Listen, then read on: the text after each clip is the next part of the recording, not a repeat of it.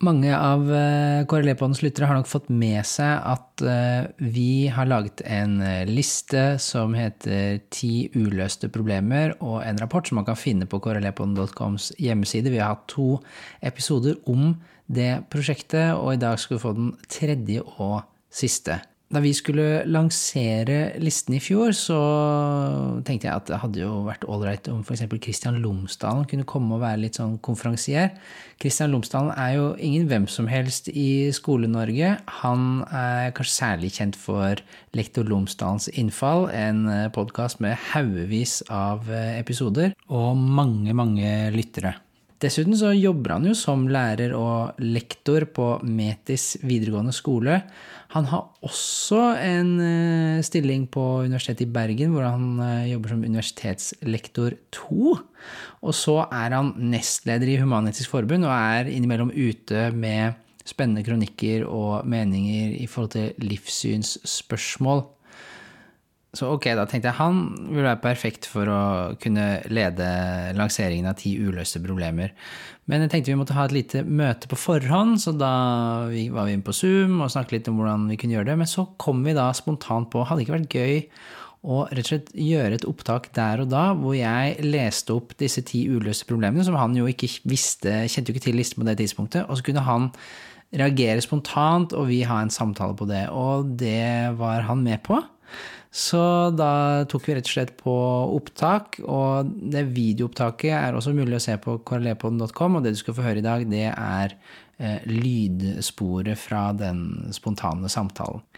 Og det er jo litt interessant, for Kristian Lomsdalen er vi jo vant til å høre som intervjuer i lektor Lomsdalens innfall, men her så får vi jo høre mer hva han selv tenker om eh, religions- og etikk og livssynsundervisning i skolen.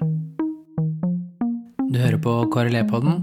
Mitt navn er Knut Haukeland. Det skal handle om eh, skole, religion og kristendom. Jeg mener at ingen skal tvinges til å gå på skolegudstjeneste. Eh, lærerstudentene har av kunnskap om disse evnene. Faget vil inneholde hele 50% kristendom og bare 50 eh, vranglære. Kompetansemålene i faget. Det K-en gjør nå, er at den bare markerer at kristendommen har en særlig historie hos oss. Og det er jo sant. Eh, den K-en kom til for tre og et halvt år siden. Den var ikke der før. Det handler først og fremst ikke om K-en. Eh, RLE-faget har jo en litt brokete historie.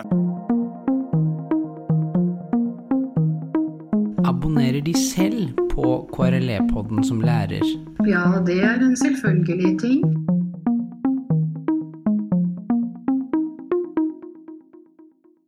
Skal jeg lese opp da, eller? Ja, du må jo det, da. Da må jeg det. Ok.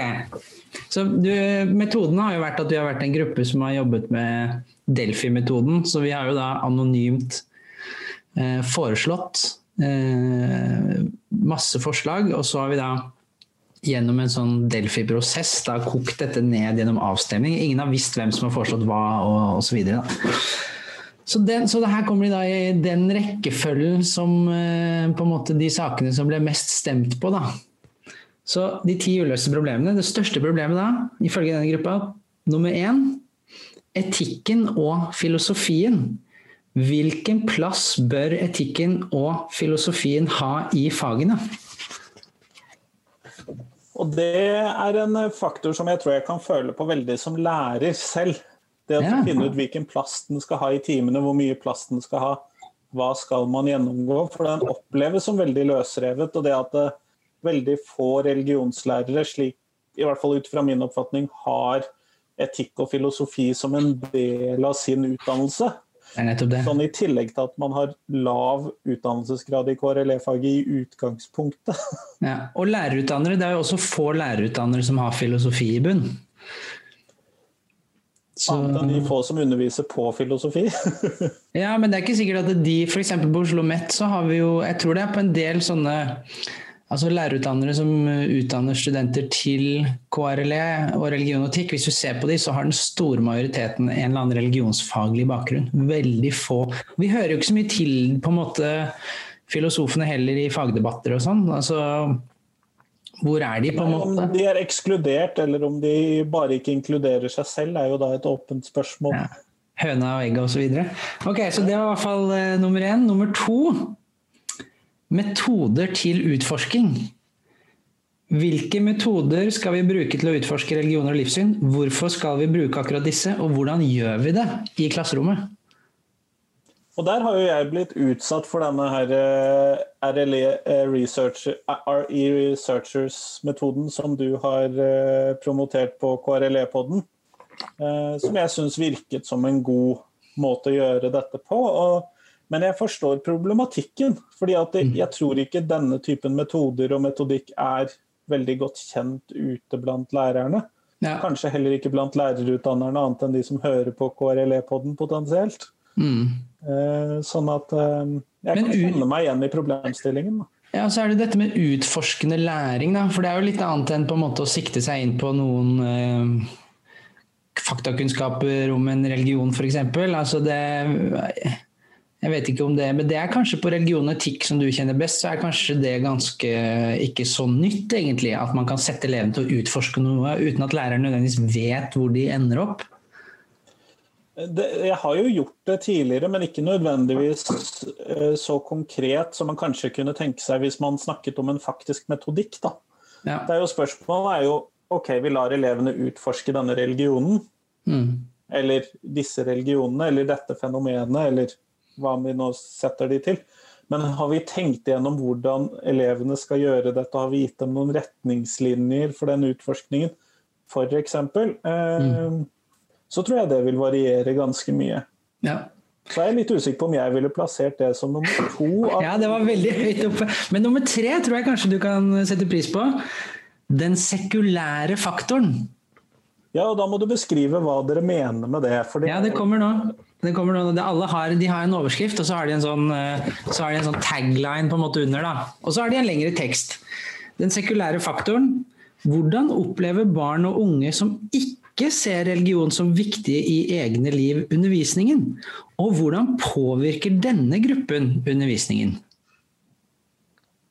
Og jeg er jo litt usikker på om man da snakker om de hva skal vi kalle det, aktivt sekulære elevene, hvis vi skal kunne snakke om det. Altså de som har et tydelig forhold til religion og er negative til religion. Mm. Eller om man snakker om disse som vi kanskje av og til faglig sett omtaler som apateistene. De som har et mer apatisk forhold til religionen. Jeg har ikke hørt Jeg kjenner de bare som de irreligiøse, som er litt sånn bryr seg ikke. Ja, og det, der har jeg hørt begrepet tidligere som apateister. Ja, det er gøy. Men de, jeg tror nok, sånn som vi skriver denne teksten, så favner det egentlig begge gruppene. Poenget er vel egentlig at uh, vi har ikke snakket om de. Og det er som om de liksom ikke helt eh, Noen ganger har jeg sett sånn eh, når man går gjennom livssynshistorien til Norge, så er det akkurat som at den fremveksten av nons, som de også kaller det noen ganger, de som krysser av på ingen religion, ikke sant. Det er akkurat som de ikke De blir glemt, da. Så de er jo en del av livssynsmangfoldet, de òg, om de er eh, ateister eller litt mer sånn ja, ikke så opptatt av religion. Ja, men, og Dette her faller jo også inn under en annen ting som jeg har opplevd som problematisk i faget, hvor man fremstiller liksom I gamle dager så gikk alle i kirken, og man brukte kirken veldig mye osv. Og, så og så mistenker jeg jo at dette kanskje ikke er en virkelighetsbeskrivelse som noensinne har stemt. At man kanskje gikk i kirken den ene lovpålagte dagen, altså at man måtte være innom minst en gang i året. Ja. type ting, eh, Mer enn at man gikk hele tiden og hver søndag, at det kanskje var for en marginal del av befolkningen. Mm. Så spørsmålet er jo har vi glemt disse fram til nå, når de bare gjorde seg fryktelig synlige? Mm. Eh, så I tillegg så har vi jo da den sekulære faktoren hvis vi ser utenfor skolen, hvis vi ser på, elev, hvis vi ser på elevenes hverdag, som kanskje kan oppleves også som en sekulær faktor. Både mm. for de religiøse og for de ikke-religiøse og for de irreligiøse elevene. Mm. Eh, så det syns jeg er en veldig spennende faktor som eh, jeg kjenner godt igjen fra mitt eget klasserom. Ja. Det, tredje, det var da det tredje største problemet, da, ifølge denne rapporten her. Så har vi nummer fire, klimakrisen. Skolen er allerede en kontekst hvor de som streiker for miljøet, KRLE og religion og etikk henger etter på temaet. Ja, men der opplever jeg jo at den nye fagplanen i større grad inkluderer faget i temaet. Med fagfornyelsen. Sånn at jeg opplever jo at det kanskje er den tingen som er nærmest til å bli rettet opp. Da. Den sekulære faktoren eller forskningsmetodikken, utforskningsmetodikken i faget er jo ikke um, en problemstilling som er løst i dag. Jeg oppfatter kanskje at denne problemstillingen ved at fagfornyelsen gås inn, så er det et håp om at denne rettes opp ganske fort. Da. Ja, jeg tror det, det som har skjedd, da, det, og det har vi jo skrevet litt om i introduksjonen, er at den lista bærer, veld, den bærer veldig preg av fagfornyelsen. Det er jo ikke så rart, fordi de nye læreplanene Dere har jo levd i den. Vi har levd i den, ikke sant. Så jeg tror jo at den lista her om ti år, så tror jeg jo da, altså, den er preget av den umiddelbare konteksten. Metoder til utforskning er jo også noe som kommer i den nye læreplanen. Da. Men jeg tror, så det vi, det vi, har tenkt her, er jo at uh, nå kommer det inn i læreplanen, men uh, hva skal man undervise i? da? Hvordan skal man gjøre det? Hva blir liksom KRLE-taken på det? Naturfag har jo lenge de har jobbet med dette, kanskje samfunnsfag også, men hvis vi tenker tverrfaglig, hva skal KRLEs bidrag være der, da? Eller religion og etikk? Og der har jeg jo sett at Høgskolen på Vestlandet har prøvd å få en stemme inn i hva dette skal være, og har fokusert på religionenes plass i forhold til klima- og KRLE-faget. Ja. Så har ikke jeg klart å ha tid til å følge med på hva de faktisk har funnet ut. Men jeg syns jo det er interessant at dere tar det med, og at det får så høy plass. Ja. Og det hadde jo vært interessant å være flue på veggen i de diskusjonene. Ja, det var, jo, vi, det var jo anonymt, ikke sant. Så alt skjedde jo på en måte Vi, vi visste jo ikke hvem som hadde foreslått hva og sånn. Så vi har jo ikke diskutert uh, åpent. Så, jo, men, uh, ja. så det er jo kanskje også et tegn på den større konteksten. En ting har vært liksom fagfornyelseskonteksten, men så har du på en måte en global kontekst hvor vi er litt redde for uh, kloden vår. Ja. Fem vurdering. Hvordan kan vi bruke de nye læreplantekstene om vurdering til å realisere en god vurderingspraksis? Ja, da er vi jo plutselig veldig mye mer inn i eh, hva skal vi kalle den allmenne didaktikken og pedagogikken mer enn religionsfaget i seg selv. Mm. Men det er jo definitivt en problemstilling. Men jeg vet, og der er det jo litt sånn Hva tenker egentlig lærerutdannerne at vi skal oppnå med vurderingen, og hva tenker lærerne at vi skal oppnå med vurderingen, og hvordan ser elevene på vurdering? Så mistenker jeg at vi har tre ganske ulike svar. Oi, hva, Kan du kort skissere hva de tre svarene er? Egentlig ikke. Fordi at det er ikke tre korte svar å skissere. Jeg mistenker også at det er veldig mange svar innenfor hver gruppe. Ja. Men jeg opplever i hvert fall vurdering som relativt løsrevet fra eh, læringspraksisen ellers. Mer som en sånn formalkrav som skal til for å, at sjefen skal være fornøyd. Så vil nok mange RLE og RE og KRLE-lærere være sterkt uenige med meg i den, det synet på disse vurderingene som vi gjennomfører gjennom året. Mm. Men det skal jo sies at jeg har et relativt negativt syn på vurdering. Ja, jeg skjønner. Så, men Betyr det da at for din del så ikke, er det ikke sånn at de nye læreplanene skaper noen uh, krise eller stor utfordring i forhold til vurdering? Fordi i og med at de har åpnet seg opp, ikke sant, så er det jo kanskje noen som opplever det som, som krevende. Hva skal vi vurdere, på en måte? Nei, jeg har ikke opplevd de som noen krise. Jeg har opplevd de mer som at de tilrettelegger bedre for meg eh, i hva slags type vurderinger jeg har lyst til å sette opp. Ja. Um, så dette er ikke et... Så, den ville jeg vært uenig i ja. å putte så høyt opp. Det er ikke noe uløst problem. Det er ikke noe uløst problem. Vurdering er et lite problem, kanskje mer høyere oppe da, i systemet, hvis jeg forstår det riktig? Ja, men ikke for KRLE-faget. Men samtidig, Nei. denne listen er jo da ikke et uttrykk for min prioriteringsliste, men en faglig prioriteringsliste. Men det er det vi merker også, er jo at det er jo, den naturlige reaksjonen er jo Jøss, hvorfor er disse her, og hvorfor er ikke den der? Det er jo det. Men ok, nummer seks. Religionskritikk. Hvilke muligheter og utfordringer ligger i religionskritiske perspektiver i undervisningen? Uløst problem? Ja, e-, e-, eventuelt uforløst potensial. Um, og her så har jo jeg ny, nylig arrangert en sånn KRLE-lærerdag hvor vi hadde med Michael Hertzberg som snakket om religionskritikk. Og jeg tenker jo det at eh, det ligger mye god læringspotensial i nettopp det å kunne bruke både interne og eksterne religionskritikere til å være en måte å klare å løse opp de store isolerte siloene og se på ulike fenomener. Og se på, drøfte de ulike religionenes plass i samfunnet, f.eks. Mm.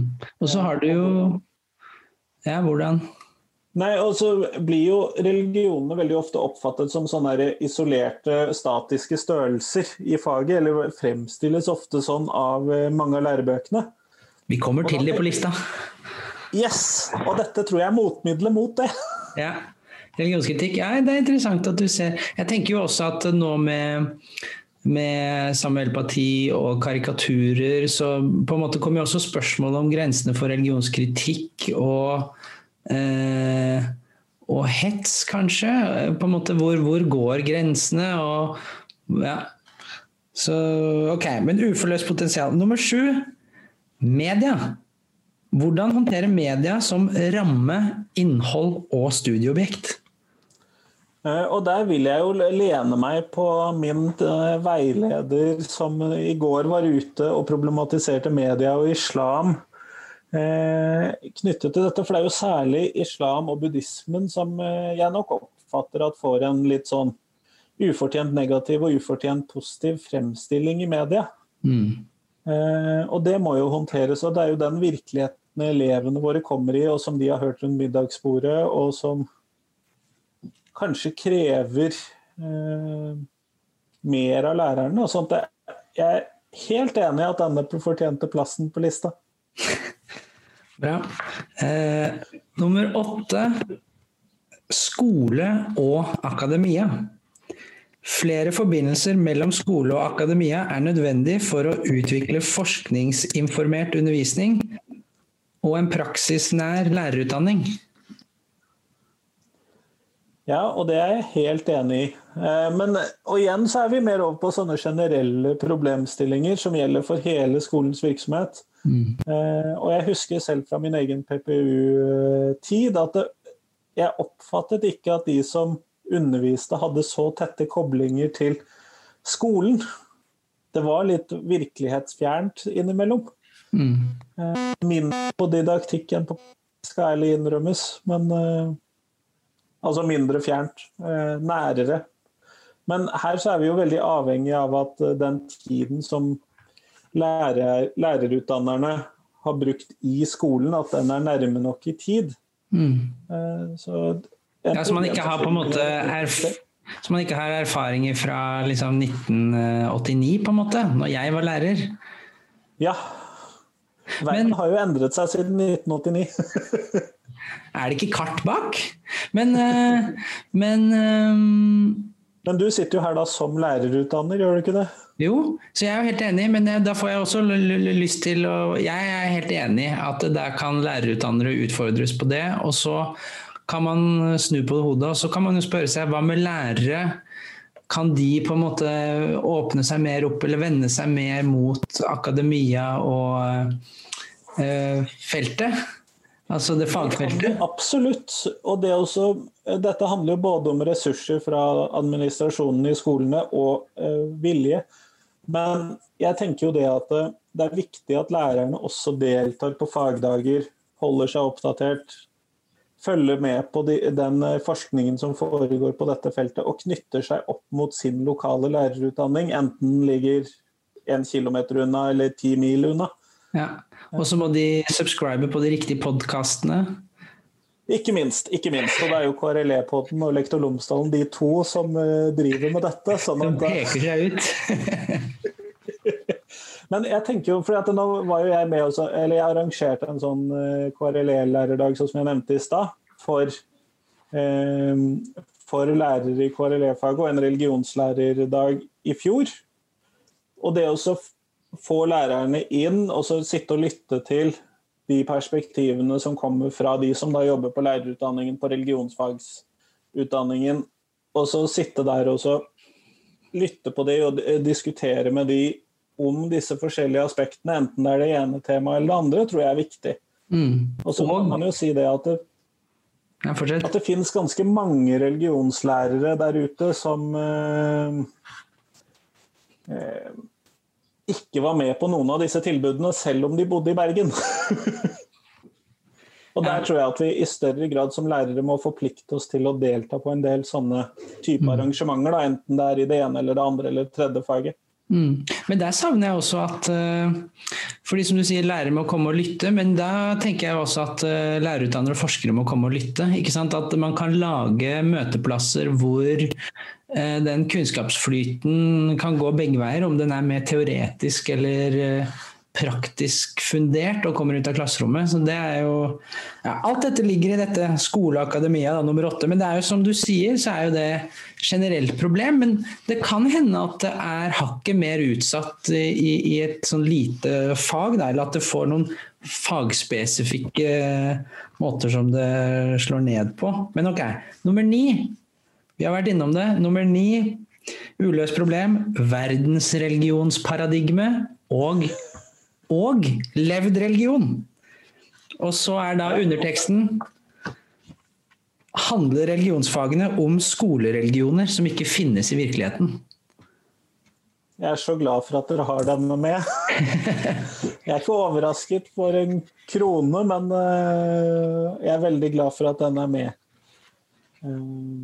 Fordi? Og jeg mistenker at jeg ikke var alene om å være skuffet når de måtte gjeninnføre verdensreligionsmodellen i det nye KRLE-faget.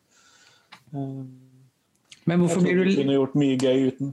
hvorfor blir du så lettet og glad for at den er der, da? Hva er, hva er problemet med verdensreligions... Lettet det skal jeg ikke påstå at jeg er forventet at det var med, men jeg er i hvert fall godt fornøyd med at den er med. Og dette handler jo om dette som jeg snakket om i stad, med silostørrelser og statiske størrelser. Hvor religionskritikken kunne være en faktor for å løse opp i dette. Um,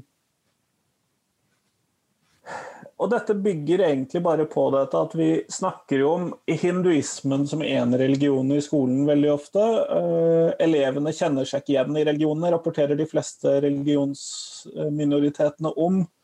Um, så har vi selvfølgelig en utall kristne varianter som egentlig ikke dekkes av skolens undervisning. Ja, nei, det er um, mange aspekter ved denne skolereligionen som uh, jeg tenker er positivt at blir utfordret. Og så er det jo det interessante dette begrepet livssynshumanismen, som jeg av og til bruker for når jeg skal snakke om mitt eget livssyn. Eh, som, er, som, jo egentlig ikke er et begrep som kommer fra livssynshumanismen selv, men som har blitt overtatt eller eh, adoptert eller anerkjent, eller hva ikke ord vi nå skal bruke, akseptert kanskje, som et begrep som beskriver eget livssyn. Mm. Sånn at jeg kjenner meg igjen i den derre Noe kommer fra skolen og går faktisk ut i feltet. Mm. Tingen som hinduistene kanskje kan ha kjent på gjennom den koloniseringsprosessen av religionen deres. Hva med det der, fordi det verdensreligionsparadigmet og levd religion, er levd religion et begrep som man kjenner til ute i skolen?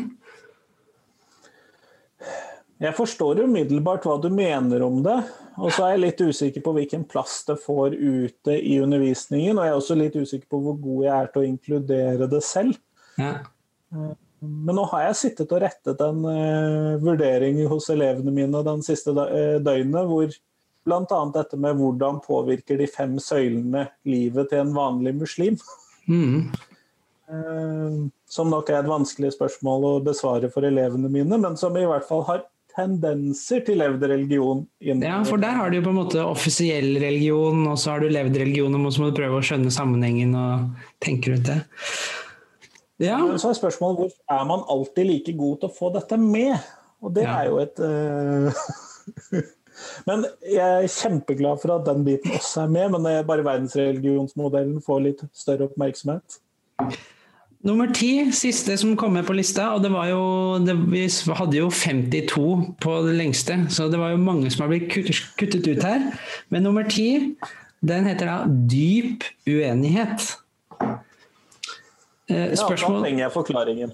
Spørsmål om hvordan elevene skal forholde seg til dyp uenighet, er åpent fram til vi vet mer om hva, hva slike dype uenigheter består av, og om de kan være løsbare eller ikke.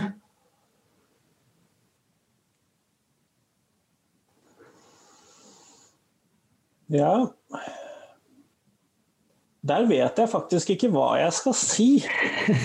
Nei. Uh, og det er rett og slett fordi at uh, der har jeg ikke noe godt svar på uh, når, når, du snakker om f.eks. verdensreligionsmodellen, så vet jeg veldig godt hva jeg tenker om den. Men så, når vi da skal komme til disse uenighetene, så kjenner jeg at jeg fort blir veldig uenig med meg selv om hvor, hvilken plass dette skal få i faget. Og så ser jeg jo det at dette har fått en veldig stor plass med fagfornyelsen. da.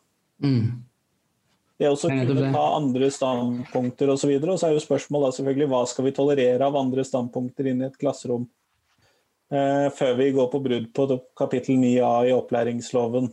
Altså mobbeparagrafen og sosialt miljø for de som ikke kjenner til det fra før av. Men mm. og hvor det slår inn som plutselig, for hvor dyp uenighet og hva slags type uenighet kan vi godta i klasserommet, er jo et spørsmål. Det er jo nettopp det det går på, tenker jeg. Er, vi har jo begge intervjua Lars Lehr Iversen, som har fått mye oppmerksomhet med dette uenighetsfellesskapet. og jeg eh, en ting som han sa når jeg intervjua han, var jo da at eh, ikke all uenighet er bra uenighet. Og han hadde vel et eksempel fra sitt feltarbeid hvor for eksempel, hvor, det var, hvor det handlet om homofili og noen minoriteters holdninger mot homofili. og Da sa han at f.eks. det å skulle diskutere hvorvidt homofili er greit.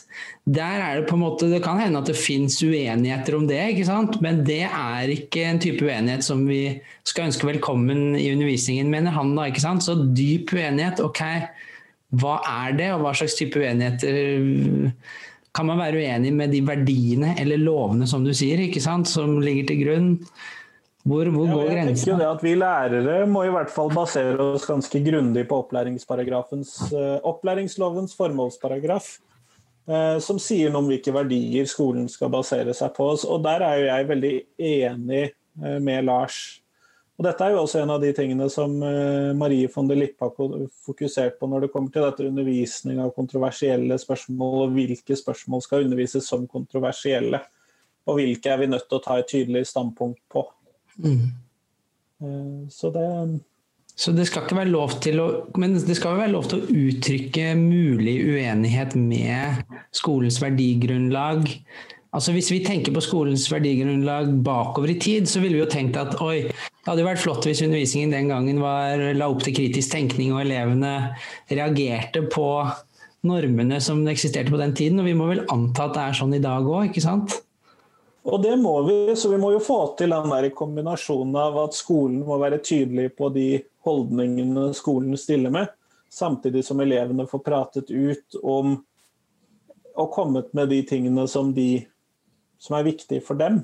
Mm. Eh, samtidig så må vi gjøre det på en måte som ikke er problematisk for de elevene som er i en minoritetsposisjon i klasserommet.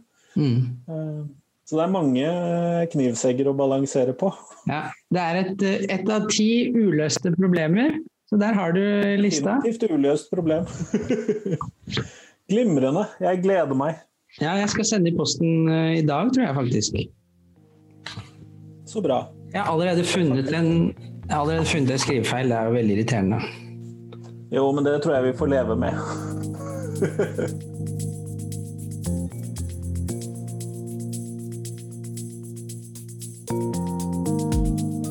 Takk til Kristian Lomsdalen. Du finner hans eh, podkast 'Lektor Lomsdalens innfall' på lektorlomsdalen.no, og hvor nå enn du eh, finner dine podkaster. Bakgrunnsmusikken har vært av Lee Rosevere. KRLE-poddens redaksjon består av Ragnhild Lerd Iversen, Heidi Hansen Tømmerås, Andrew Thomas, Åge Skanke, Anne Siri Kvia, Inge Andersland og meg selv, Knut Aukland, og det er vi som utarbeidet denne listen på ti uløste problemer. Denne våren jobber Inge Andersland med en eh, egen serie hvor han skal eh, dra på tinget, rett og slett, og finne ut av hva som rører seg der i forhold til eh, KRLE-faget. Inge, vi gleder oss. Mitt navn er Knut Aukland. Vi snakkes.